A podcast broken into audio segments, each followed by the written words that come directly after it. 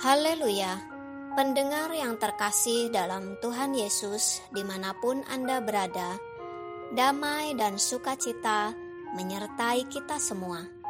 Renungan sauh bagi jiwa yang disajikan gereja Yesus sejati berjudul Ada Masanya, Ada Waktunya.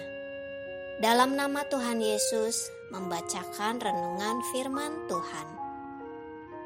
Untuk segala sesuatu ada masanya. Untuk apa pun di bawah langit ada waktunya. Pengkhotbah 3 ayat 1. Bunga mawar yang anggun tidak mekar pada musim dingin bersalju. Serpihan salju tidak akan turun pada musim panas. Pohon tidak akan mengeluarkan buah di musim dingin. Daun hijau pohon tidak akan berganti warna di musim semi dan musim panas. Karena segala sesuatu ada masanya, ada musim, bila waktunya belum tiba, tidak ada pergantiannya. Allah yang Maha Kuasa bisa saja menjadikan alam semesta hanya dengan satu firman saja namun Allah menggunakan enam hari untuk menciptakan semuanya itu. Mengajarkan kita kebenaran bahwa untuk segala sesuatu ada masanya. Untuk apa pun di bawah langit ada waktunya. Melalui penciptaannya, Allah menempatkan manusia di dalam kerangka waktu dan ruang.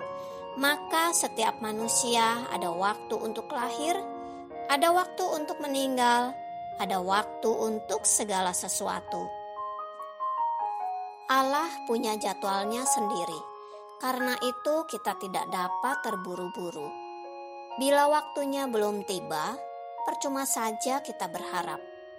Bila waktunya genap, segalanya terjadi dengan sendirinya. Abraham dan Sarah harus menunggu selama 25 tahun untuk mendapatkan anak. Yusuf harus menunggu 13 tahun untuk lepas dari sengsara menjadi mangku bumi Mesir. Musa harus dilatih Allah selama 40 tahun di padang gurun sebelum dia memimpin bangsa Israel keluar dari Mesir. Sewaktu Allah menyuruh Samuel mengurapi Daud menjadi raja, Daud masih seorang remaja dia harus menunggu sampai belasan tahun sampai berumur 30 tahun baru secara resmi menjadi raja. Hanya saja kita tidak perlu khawatir. Seberapa lama Allah mau kita menanti kalau waktunya tiba semuanya pasti terjadi. Allah tidak akan membuat kita menanti lebih lama sekalipun hanya sehari saja.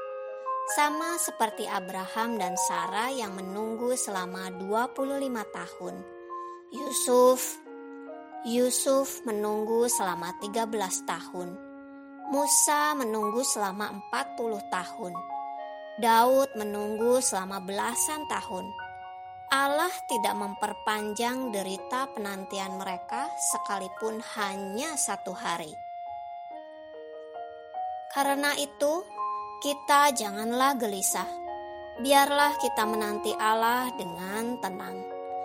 Allah punya jadwal waktunya. Semua ada masanya dan ada waktunya.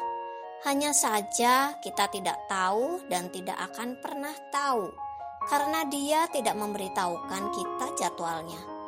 Dia mau kita belajar menantikannya.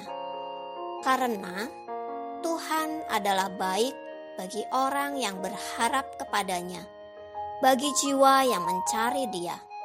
Adalah baik menanti dengan diam pertolongan Tuhan. Ratapan 3 ayat 25 dan 26. Percayalah bahwa Tuhan tidak akan mengecewakan kita. Ia tidak akan membiarkan kita menderita percuma.